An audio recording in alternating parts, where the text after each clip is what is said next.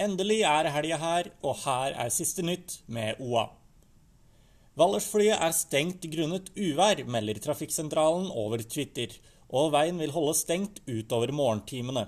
En ny vurdering av veien vil gjøres klokken 13.00.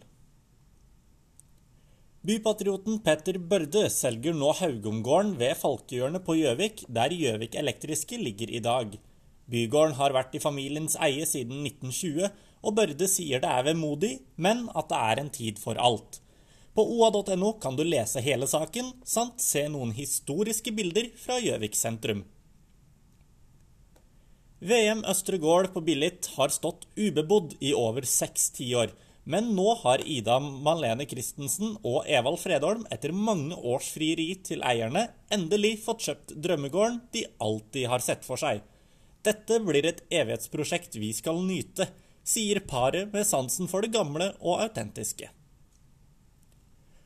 På oa.no kan du lese næringslivslogg fra Hadeland, se bilder fra russetreff på Lillehammer, og senere kan du se livestream fra Holmenkollstafetten klokka 13.40 og fotballkamp Gjøvik-Lyn mot Tiller klokka 14.